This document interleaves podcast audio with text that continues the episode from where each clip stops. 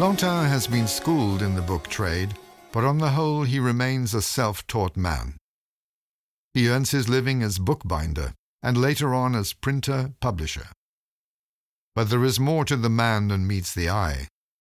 Plantin has strong beliefs. He is convinced of the social relevance of books, the importance of schools and education, of science, and of Greek and Roman authors. This is how he becomes acquainted with prominent scientists and intellectuals. He corresponds extensively with some of them in French, Latin, Spanish, and Italian. Plantin knows people all over Europe.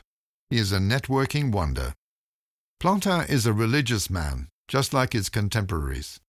But he is also someone who tries to keep his feet on the ground, with perseverance and equanimity. One of his friends writes about him Never before in my life have I met a man who combines so many talents and goodness in one person, or who better knows and applies virtuousness.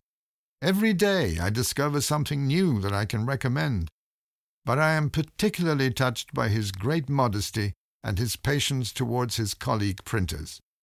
They envy him, but he keeps treating them in a correct way, although he could cause them great damage. This is not a man of flesh and blood. This is a purely spiritual human being. He does not contemplate eating, drinking, or resting. He lives for his job.